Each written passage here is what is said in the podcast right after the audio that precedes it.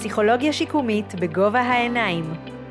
הפודקאסט שעוסק בהיבטים הנפשיים של תהליכי שיקום ובעולם המרתק של הפסיכולוגיה השיקומית.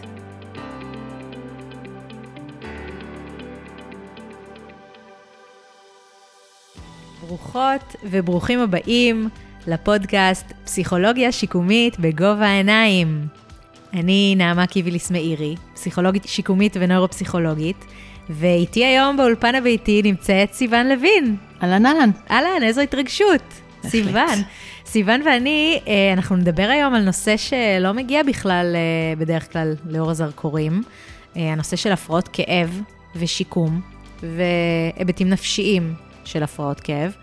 אני בטוחה שזה יהיה פרק מרתק ולא שגרתי, לי לפחות, ואני מקווה שהמאזינות והמאזינים שלנו גם ימצאו אותו מועיל ומעניין. אז סיון לוין, פסיכולוגית שיקומית מומחית, מדריכה ובעלת רישיון להיפנוזה, מזה שש וחצי שנים נמצאת בת, בתפקיד הפסיכולוגית האחראית במרפאת כאב במרכז הרפואי רמב"ם, ובעלת קליניקה פרטית בחיפה. משם הגעתי. משם הגעת כמה תפקידים ואחריויות. מהמם. אבל אה, סיוון, פה בפרק, אה, פה בפודקאסט את מרואיינת ככל המרואיינים, אה, ולכן את תעברי בעצמך את משחק האסוציאציות שכל המרואיינות שלנו עוברות. האם את מוכנה? מוכנה, מוכנה. מעולה. אז אנחנו מתחילות עם אסוציאציות, אני אומרת מילה, ואת עונה לי את האסוציאציה הראשונה שעולה לך לראש. פודקאסט. מלחיץ. כאב. מורכב. שיקום כאב. כואב ומרגש. היפנוזה. מדליק. פיברומיאלגיה. מסע. מעולה. אז תגידי, עם איזה מהאסוציאציות היית אה, רוצה להתחיל? אה, מה שתבחרי. מה שאני אבחר, יאללה. כן. אולי נתחיל מההתחלה, תסבירי לנו מה זה בכלל כאב. אני חושבת שכאב זה משהו שאני לא צריכה להסביר, כי כל אחד יודע מהו. מערכ... יש לנו מערכת כאב שנועדה לשמור עלינו. כמו שילד uh, מתקרב למשהו חם, ולפי הסימנים שמשודרים לנו למוח, יודע שהוא צריך להת... להתרחק. כאב נועד לשמור על הגוף שלנו, לכוון אותנו, את התנועה שלנו. הסיפור uh, מסתבך כשהוא הופך uh, להיות כאב כרוני. אבל ואז הוא כבר לא נועד לשמור עלינו, אלא הופך להיות משהו שמאוד מפריע לנו.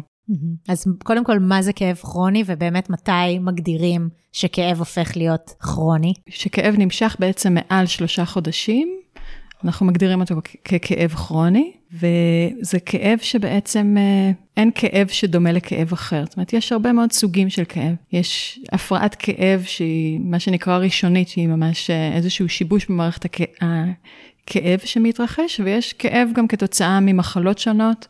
כמו אה, סרטן, או כאב שנוצר אחרי אה, ניתוח, כאב בעקבות טיפולים שונים, כמו הקרנות או טיפולים כימותרפיים. יש הרבה מאוד סוגים של כאב, והחלק וה, הנפשי בכאב מאוד משתנה בהתאם לסוגים השונים של הכאב.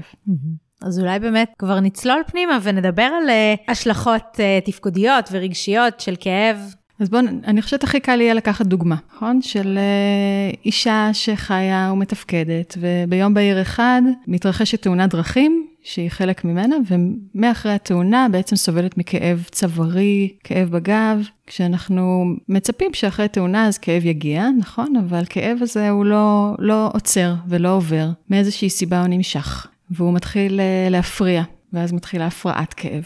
בעצם הוא מתחיל להפריע לתפקוד התעסוקתי, והוא מתחיל להפריע אה, לשינה, שזה דבר מאוד מאוד קריטי. זאת אומרת, הרבה פעמים אה, נכנסת, נכנסות הפרעות שינה, ואז מתחילה להיווצר גם עייפות בנוסף לכאב, אה, וירידה במצב רוח, אה, ירידה ב- ביכולת לתפקד גם בבית, או במערכות יחסים, או רצון להתבודד. אבל אני רוצה לשאול אותך איזושהי שאלה. האישה הזאת, בעצם יכול להיות שהיא לא קיבלה את הטיפול הנכון לכאב שלה? אולי לא קיבלה את המשככים הנכונים, אולי באמת עדיין כואב לה, איך, איך זה קורה שלא מצליחים להתגבר על הכאבים בכל האמצעים הרפואיים שקיימים היום? אחרי תאונה זה מאוד טבעי שיהיה כאב, זאת אומרת הגוף נפגע ויש mm-hmm. פציעה. והגוף אה, בתהליך של השיקום של עצמו עובר אה, תהליכים שהכאב הוא חלק מהם והוא מסמן לנו גם למה מה, מה מתאים לעשות ומה לא מתאים לעשות. אותה אישה עשויה או נמצאת באיזשהו סיכון להיכנס ל, ל, מעגל של, של כאב כרוני, לא בהכרח אם היא קיבלה או לא קיבלה את הטיפול המתאים, זאת אומרת, יש כל מיני סיבות שבגללם נכנסים לכאב כרוני. יצא לי כבר לראות, אה, למשל, אה, אנשים ששמעו מהרופא שלהם איזושהי אמירה, כמו למשל שיש סדק בעצם שלעולם לא אה, יתאחה, או שיש פריצה קשה, למשל בדיסק L3, 4, כל מיני אמירות שהן מאוד מאוד מפחידות, ויכולות ממש להיתקע בתור אמונות מגבילות במערכת, שמייצרות הרבה מאוד חרדה, מייצרות הרבה מאוד פחד לנוע. מייצרות בעצם אי תנועה שעשויה גם אה, להגביר את הכאב, וככה אותה אישה עשויה להיכנס לאיזשהו מעגל מרושע, מה שנקרא, מעגל שלילי של כאב כרוני. כלומר, זה לא בהכרח אה, שכואב לה כמו שזה במוח, זאת הפרשנות שלה למצב שלה? זה לגמרי כואב. אני חושבת שזה נורא חשוב להדגיש, mm-hmm. כי אני פסיכולוגית ואני באה לפה לדבר על, אה, על כאב כרוני, אבל בדרך כלל כשמישהו סובל מכאב אחרי איזושהי טראומה, ורופא יפנה אותו לפסיכולוג, אז מה הדבר הראשון שיעלה לו בראש? הוא מזייף את הכאב. בדיוק, נכון? זה לא, הוא חושב שזה לא אמיתי, לא מאמינים לי. Mm-hmm. וזאת חוויה מאוד קשה. שהרבה אנשים שסובלים מכאב כרוני מגיעים לרופא, ובאיזשהו שלב אנחנו מתחילים להבין שהכאב, כשהוא, כשהוא נהיה כרוני, אז עוברים כבר את ההבנה שאין פה איזושהי סכנה כלשהי אה, לגוף כבר. יש פה שיבוש במערכת הכאב. זאת אומרת, כשאדם חווה כאב למשך הרבה מאוד זמן, המוח שלו משתנה. Mm-hmm. ממש אה, המסלולים משתנים, אה, יש אה, אירועים שבעבר לא נחוו ככואבים, פתאום אנחנו עשויים להרגיש אותם כיותר כואבים, יש אה, אולי טראומות קודמות שמתעוררות. כי בעצם מה שאת אומרת גם שאי אפשר לראות את הכאב, אז לכן גם קשה לכמת אותו, ומה שאנחנו לא רואים זה כל מה שמתחולל בפנים, בין היתר, לא רק התחושה הפיזית, אלא מחשבות, פחדים, טראומות. כאב בהגדרה שלו הוא אה, חוויה, חוויה שהיא אה, ב, בחלק גדול ממנה רגשית. זאת אומרת, ו... והוא, ש... והוא שקוף. כן, בדיוק. לא באמת רואים אותו, נכון? אה, ולכן אין דרך למדוד אותו גם. בעצם עדיין לא הומצא אה, שום מכשיר שיכול למדוד סף כאב, או שיכול למדוד רמות כאב, זה בעצם דיווח סובייקטיבי. סיוון, אני רוצה באמת שנתמקד בתהליך ש... שאישה, אותה אישה עוברת. ברגע שהיא הגיעה לרופא והרופא הפנה אותה לפסיכולוגית שיקומית, מה זה בעצם התהליך שאישה כזו עוברת עם פסיכולוגית שיקומית בהקשר של הפרעת הכאב שלה? מה עושים שם בטיפול? עוד לפני שהיא תגיע לפסיכולוג שיקומי, היא סביר להניח תגיע לאורתופד, וסביר להניח תהיה אצל הרופא משפחה, ואולי גם תלך לפיזיותרפיה. כי כן ינסו לשכך את הכאב. נכון. בכל מיני דרכים אה, שמוכרות לנו כיום. נכון. Mm-hmm. ואז בעצם עשוי להגיע המצב שמוצו טיפולים, או שמאיזושהי סיבה היא לא מצליחה להשתפר. תקבל את ההפנייה אה, לפסיכולוג, זה, זה במקרה הטוב אם היא תהיה בתוך מרפאת כאב. אה, פסיכולוג שעובד עם כאב לא קיים בעצם בקהילה. למה? שאלה טובה. אה, אני לא, עדיין גם לא שמעתי על פסיכולוגים שיקומיים שעובדים בקופות חולים, ואין מרפ, מרפאות כאב בתוך uh, קופות חולים שיש בהם פסיכולוגים שיקומיים לרוב. זאת אומרת, זה, זה שירות שהוא uh, לא זמין. לצערי. ממש מצער. נכון. אז אנשים לרוב מגיעים אליו, אה, יגיעו אליי בתוך המרפאה, פגישה של אה, הערכה, אה, והיא תגיע והיא עשויה להגיד, אני לא יודעת למה, למה אמרו לי להגיע אלייך, אבל אמרו לי, אז אני מגיעה. Mm-hmm. מה שאנחנו נעשה זה, קודם כל, ניסיון להבין מי זאת האישה הזאת, מה קרה לה, לא רק ברמה הפיזית, אלא גם מה התגובה שלה למה שקרה לה, איך היא מפרשת את המצב הזה, מה המצב הרגשי שלה בעקבות התאונה, מה המצב התמיכתי מסביבה, מה המשימות שהיא נדרשת לעשות, איך היא מתפקדת מולן. קחי אותי כזה למאחורי הקלעים של מה שאת חושבת כשאת יושבת כפסיכולוגית מול אה, אישה כזו. לפעמים הגורמים האלה, למשל, שאין תמיכה משפחתית, או שיש איזו תגובה נורא קשה לתאונה, הם יכולים להעצים את הכאב בעצם?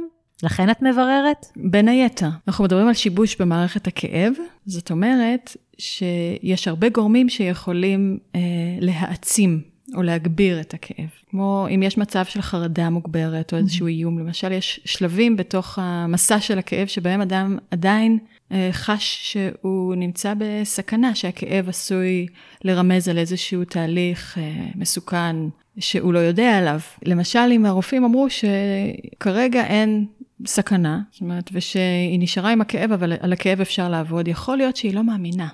יכול להיות שהיא חושבת שיש עוד בדיקה שלא שלחו אותה, שיש משהו שעדיין לא איתרו. היא לא שקטה. לא שקטה. שלה. ואם יש אי שקט כזה וחרדה, היא יכולה להדליק ולהגביר עוד יותר את הפרשנות השלילית של הכאב ואת המתח. ותהליך של אה, החלמה או שינוי לטובה של המנגנונים המוחיים, ככה שיסיטו את המיקוד מהכאב לכיוון אחר, לא יכול להתרחש כשיש חרדה כזאת. אם כי יש גם אנשים שיכולים להיות צודקים, זאת אומרת, אולי יכול להיות שיש עוד באמת בדיקות שצריך לעשות, ועד שהיא לא תגיע לשלב שהיא יכולה להיות שקטה, לא ב-100%, אבל לפחות ב-60-70%, אז יהיה מאוד קשה להמשיך הלאה mm-hmm. ולתרגל כל מיני טכניקות אחרות. כן, שתכף באמת נגיע אליהן, אבל באמת את uh, מדגישה פה שוב את מה שאנחנו אומרים על הפסיכולוגיה השיקומית, שאת עובדת נניח בשיתוף פעולה עם כל המעטפת של אותה אישה, היא עדיין תמשיך אולי להיות באיזשהו בירור רפואי, אבל במקביל את נותנת לה גם איזשהו מענה רגשי לחוויה שלה.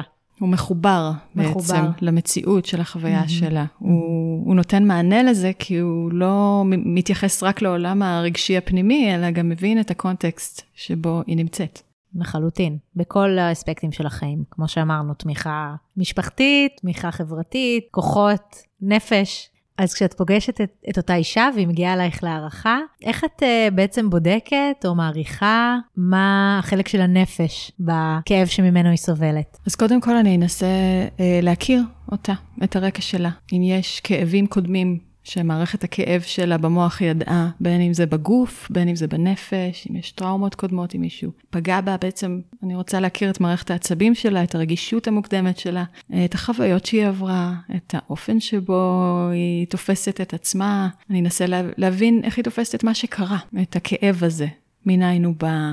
מה הוא מנסה אה, לבקש ממנה, אם יש לה איזשהו רעיון לגבי זה, זאת כבר שאלה מאוד פסיכולוגית. כן, זה נשמע אה, מאוד מופשט. נכון, יש, יש אנשים שהתחברו לשאלה הזאת, mm-hmm. ואני מאוד אוהבת לשאול אותה. אני אשאל, מה, איך זה משפיע בעצם על החיים? גם במשפחה, גם אה, כהורה, כאישה עובדת, אני אשאל איך היא ישנה, אני אשאל איך זה השפיע על חיי המין שלה, אני אנסה לשאול שאלות שאולי אפילו לא נשאלו קודם, אבל הן מאוד מאוד חשובות, כי הכאב, אה, אני בטוחה שהוא פלש לכל אזור שם, וכשאנחנו ננסה להבין איך לאט לאט לצאת מהמעגל השלילי הזה, אנחנו, אז תוך כדי השאלות האלה אני אנסה לראות באיזה חוטים כדאי יהיה למשוך. אז מאיפה באמת מתחילים? תני לי דוגמה. הרבה פעמים הטיפול יתחיל באיזשהו psycho-education, הסבר על הכאב. הרבה אנשים, כולל אני, לפני שנכנסתי לתחום הזה, שהוא תחום די צעיר, לא ממש uh, מכירים את המשמעויות המורכבות של כאב. עד כמה כאב הוא לא מה שחשבתי. אם חשבתי שכאב הוא פשוט חוויה שהיא רעה וצריך לסלק אותה, אז mm-hmm. עכשיו אני מבינה שכאב הוא uh, חוויה שהיא גם הרבה יותר דינמית, ויכולה מאוד להשתנות על ידי התפיסות שלנו והדברים שאנחנו עושים, והיא יכולה להיות משוככת על ידי תרופות, על ידי טיפולים, וגם על ידי המחשבות והרגשות שלנו והפעולות שאנחנו עושים ביום-יום. אז אנחנו נדבר על זה, ואנחנו ננסה להבין מה היא עושה שעוזר לה. איך הכאב משתנה. כי כאב הוא גם לא קו רציף, ובדרך כלל הוא לא נשאר אותו דבר. Mm-hmm. אנחנו ננסה להבין מה משפיע עליו מבחינת הפעילויות שלה, ננסה להבין מה עושה לה טוב, ננסה לראות עד כמה היא ממוקדת בתוך הכאב הזה, ומתי, מה קורה כשהיא מצליחה להסיח את דעתה. אז אנחנו נתחיל קצת משם, שזה בעצם להגמיש את התפיסות לגבי הכאב, וזה כבר לשנות את האופן ש, שבו היא רואה את זה. הרבה פעמים זה יכול לתת גם תקווה, וגם יכול להרגיע, שזה מאוד משמעותי. כן, אני באמת אה, נזכרת כשאת אה, מדברת על אה, הסבר פסיכו-חינוכי, מה שאנחנו קוראים לו, אני נזכרת בפרק שהקלטתי עם טל שני אור, על שינויים קוגניטיביים בגיל השלישי, ודיברנו באמת על המשמעות של לשבת ולהסביר לאנשים מה קורה להם במוח, זה הרבה פעמים מעורר מאוד חרדה בהתחלה, אבל אז מפחית אותה. זאת אומרת, כשאני יודעת מה התהליכים האלה שקורים לי, שהם טבעיים, שהם נפוצים, שעוד אנשים חווים אותם, שיש להם איזשהו הסבר, כמה זה באמת יכול להפחית את החרדה. זאת אומרת, גם עם כאב, שבאמת לכולנו יש איזה שהן אמונות או תפיסות שגויות או חלקיות, להסביר ל- ל- לאדם מה בעצם, אה, איך האמונות האלה יכולות גם, אה, או איזה עוד אמונות קיימות, או איזה הסברים חלופיים קיימים, זה יכול מאוד להרגיע. מאוד. או להגמיש את החשיבה באופן כזה שקצת יפחית את החרדה. מאוד, כי כאב זאת, אני חושבת שהוא טראומה בפני עצמה. כי הוא כל הזמן אה, אה, במוח שלנו מסמל איזושהי סכנה, mm-hmm. והוא לא מפסיק, והוא תוקף אותנו מבפנים, והוא גורם לקיבוץ של המערכת, גם הרגשית וגם בגוף. Mm-hmm. אז אנחנו כבר עושים איזה reframing, מין מסגור מחדש לתופעה הזאת, כדי שהיא תחווה קצת אחרת, שאפשר יהיה קודם כל קצת לנשום בתוכה. מעולה, אז עברתן את השלב הראשון של ההסברים על הכאב. וכבר קצת נרגענו. כן. בדיוק. וגם יש חוויה של החזקה. מה זה אומר החזקה? החזקה. זה אומר שמישהו נמצא ביחד איתך, כי אם דיברנו על כאב שהוא שקוף, וכאב שבעצם לא רואים אותו, אבל הוא מאוד מנהל את החיים שלה, אז uh, יש עוד מישהו שיכול לדבר איתה את מה שהיא כבר לא כל כך רוצה לדבר אותו, כי הסביבה באיזשהו שלב עשויה לאבד סבלנות, ויש קצת אשמה גם סביב זה, אז uh, כשיש מקום שאפשר לתת מקום בו אה, לכאב, אז זה גם מאוד מרגיע, אני חושבת. ומה באמת השלב הבא? הטיפולים הקלאסיים בכאב התמקדו בכמה דברים. אחד, זה בעקבות ההבנה שכרגע בעצם רמת האנרגיה שלנו יותר ירודה, אנחנו ישנים פחות טוב, יש אה, ירידה גם במצב רוח, ויש איזשהו צורך להטעין את המערכת, להרגיע אותה. אז אנחנו קודם כל ננסה להבין מה הכי חשוב לה ברמה של הערכים, אה, לשפר, ואפילו גם ברמת התפקוד. זאת אומרת, איזה, איזה תפקודים היא רוצה להחזיר כדי לחוות מחדש את החוויה של הזהות שלה, או חלקים בזהות שלה שהלכו לאיבוד. כלומר, מה, מה הדגש, מה הקריטי לי עכשיו, כדי להרגיש שאני חוזרת לתפקוד, וגם מה הכי ישים, זאת אומרת, מה הדבר הכי ריאלי להשיג. למשל, אם מישהי סובלת מכאב מאוד מאוד חזק בזמן שהיא הולכת לעבודה, והעבודה שלה בעמידה, אז אם עכשיו המטרה שלה זה לחזור לעבודה, יכול להיות שזה לא ישים כרגע. אז אנחנו באמת נחשוב ביחד.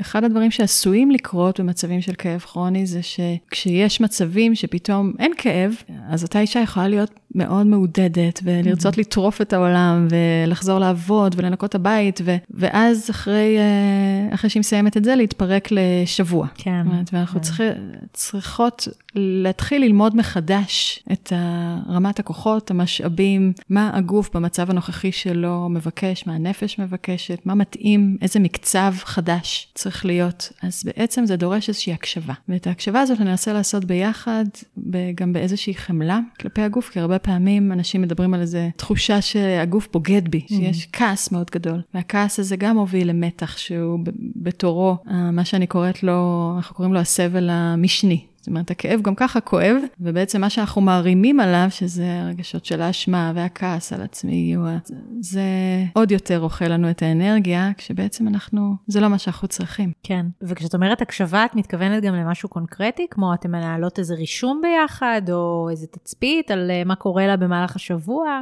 יש סוג טיפול כזה של אה, ממש כתיבה של אה, יומן כאב, כמו שעושים בהפרעות אחרות, כדי לראות מה קרה רגע לפני שכאב לי, מה חשב. חשבתי, מה עשיתי, מה תרם, מה הפריע, מה הגביר את הכאב. אה, אנחנו נבדוק את האמונות שמתעוררות בעקבות הכאב. והאם כשמתעורר כאב, אז... אה, אז, אז אני חושבת שאין תקווה וזה עכשיו מה שיהיה לאורך uh, כל חיי, למשל, שנגמר, זה הגורל שלי. אמונות שהן לא עוזרות. אנחנו נבדוק מה, מה מתעורר שם שאנחנו נרצה לאתגר בעצם. ונבדוק עד כמה זה נכון. נבדוק, כמו למשל... אני יכולה לתת לי דוגמה? כן, כמו למשל, עכשיו למשל זה לא הזמן אה, לקפל כביסה. אה, או עכשיו אני צריכה מנוחה, ומות, או מותר לי לנוח, לדוגמה, או... זה אמונות חדשות, כן. נכון? מה האמונות הקודמות, המנציחות כאב, מה שאת קוראת להן? מה האמונות הלא טובות שאת רוצה לשנות, או האמונות הלא מדויקות? אני לא יודעת איך את מגדירה את זה. אמונות שמנציחות כאב יכולות להיות אה, אמונות כלפי עצמי, מאוד לא נעימות ולא יפות, כמו אני חסרת ערך. בגלל שכואב לי? בגלל שכואב לי, בגלל שאני לא יכולה לתרום. אה, אני אימא רעה, למשל. כן, ואז בעצם את מנסה, יחד עם המטופלת, לנסות לשנות את האמונות האלה, או להכניס אמונות חדשות. כן, לאוורר קצת ולהגמיש את התפיסות האלה. זאת אומרת, האם בגלל שכואב לי, זה אומר בהכרח דברים כל כך אה, רעים עליי? מה, האם הכאב מבקש משהו בשביל עצמי? האם אני יכולה לתת לעצמי קצת יותר קום להחלים, או קצת להירפא, ואז להיות יותר טובה לאחרים, למשפחה. מה בדרך כלל ככה התגובות של אה, מטופלים, מטופלות לשלב הזה? אם אני לוקחת לדוגמה אה, נשים שסובלות מפיברומיאלגיה, אחד הדברים שמאפיין אותן מאוד זה אה, תפיסות או דפוסים קצת פרפקציוניסטיים, וצורך להיות מאוד בסדר ובמאה אחוז, והשלב הזה של, השלב של קצת להקל על עצמי. השלב של לעצור הוא שלב שהוא ממש לא מוכר. זה לפגוש חלקים בעצמי שהם אה, יכולים קצת לאיים, שהם יכולים מאוד לאכזב. התגובות, אם זה בקבוצה, שזה גם דבר שקורה, אז אה, הן אה, יכולות להיות מאוד חדשות. זאת אומרת, מין הפתעה. מותר לי לנוח, מותר לי לא לעשות, מותר לי לקחת זמן לעצמי. אין לי ברירה, אין לי ברירה, וזה קורה, וכרגע זה אפילו לא נתון לשיקולי או לבחירתי. אז זה היכרות עם חלקים חדשים. בעצם זה לגדל איזשהו חלק שיותר שומר על עצמן, יותר אה, ערני, יותר קשוב. אז אנחנו נעבוד גם על האמונות האלה. נעשה גם איזשהו, איזושהי עבודה של uh, הרפייה. יש כל מיני שיטות שאפשר לעשות את זה, יש uh, למשל במרפאה אצלנו ביו-פידבק, אפשר לעשות את זה דרך היפנוזה, אפשר uh, לעבוד דרך מיינדפולנס, אבל זה בעצם שיטות שנועדו לייצר רגיעה במערכת העצבים שלנו, ואיזושהי יכולת קצת לש, לשנות את התגובה לכאב. בעצם לשים לב ולייצר תגובה אחרת שהיא יותר מיטיבה. זאת אומרת, זה לא מפחית את הכאב, אבל זה כן מרגיע את החרדה, את המתח שמובילים לכאב? באופן עקיף זה עשוי להפחית את הכאב, אבל זה קצת נותן יותר שליטה. אני חושבת, במקום להיות מאוד מאוד מופעל מהכאב, אפשר להקשיב ולייצר איזשהו מרווח ולבחור את האופן שבו אתה מתמודד. Mm-hmm. אז תני לי דוגמה אולי באמצעות היפנוזה, שזה כלי טיפולי שאת אה, גם מתמחה בו ומשתמשת בו הרבה. מה זה? מה עושים עם זה? אני כאילו מדמיינת איזה מישהו מכוון אליי מטוטלת, מזיז אותה מצד לצד, ואני הופכת לדולפין. אבל זה לא ככה. זה לא ככה.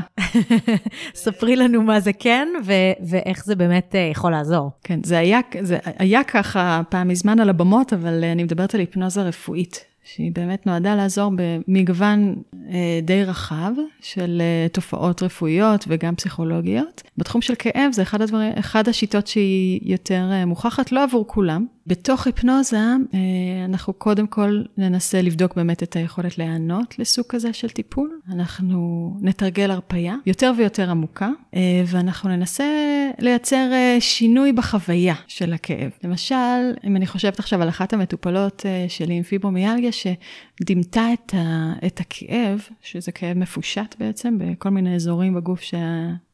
והוא משתנה, mm-hmm. והיא דימתה אותו כמו לכוויות שמש. ודרך שיטה מטאפורית, שאנחנו עובדים איתה לפעמים בהיפנוזה, אז היא ממש בחרה להניח על הכוויות שמש האלה אה, פיסות של עגבנייה, שהמיץ שלהם לאט לאט מחלחל שם ו... ויוצר ממש רגיעה.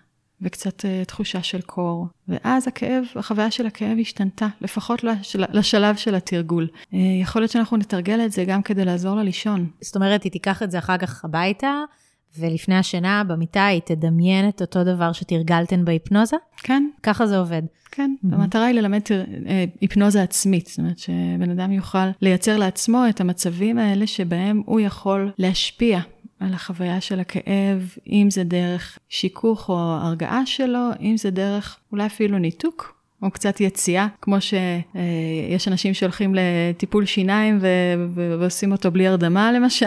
או, רציתי זה באמת רמה מאוד, אה, מאוד מתקדמת, אני עוד לא העזתי להגיע לשם, אבל, אה, אבל אפשר אה, לייצר חוויות שבהן בעצם הכאב לא מחובר, לנתק את החוויה של הכאב וככה לא לחוש אותו. כאילו, הדוגמה שנתת, נגיד, היא באמת אולי מאוד מוצלחת. אני חשבתי על עצמי כשאני הולכת לשיננית, כואב לי. אז אם אני אולי אצליח להפעיל על עצמי היפנוזה, ואז לבוא לשיננית, לצלוח את זה בהצלחה, הייתי קצת מנותקת, לא הרגשתי את הכאב. אבל אם אני אישה שסובלת מכאב כרוני, באמת, 24-7 זה מפריע לי בכל מקום, אז נגיד אני אלך לעבודה לשמונה שעות. אני לא יכולה להפעיל על עצמי איזה מצב של היפנוזה מתמשך, או שכן? קודם כל... אם אני יכולה להיות מנותקת לשמונה שעות, האם ככה זה עובד? זה, זה יכול ליצור לך בעיה חדשה, ולכן אנחנו נעדיף... מה הבעיה? להיות מנותקת בעבודה. כן, נכון. יכול להיות בעייתי. כן. אבל קודם כל, הכאב גם במהלך השמונה שעות האלו משתנה, ואנחנו במהלך הטיפול ננסה לשים לב לזה ולראות.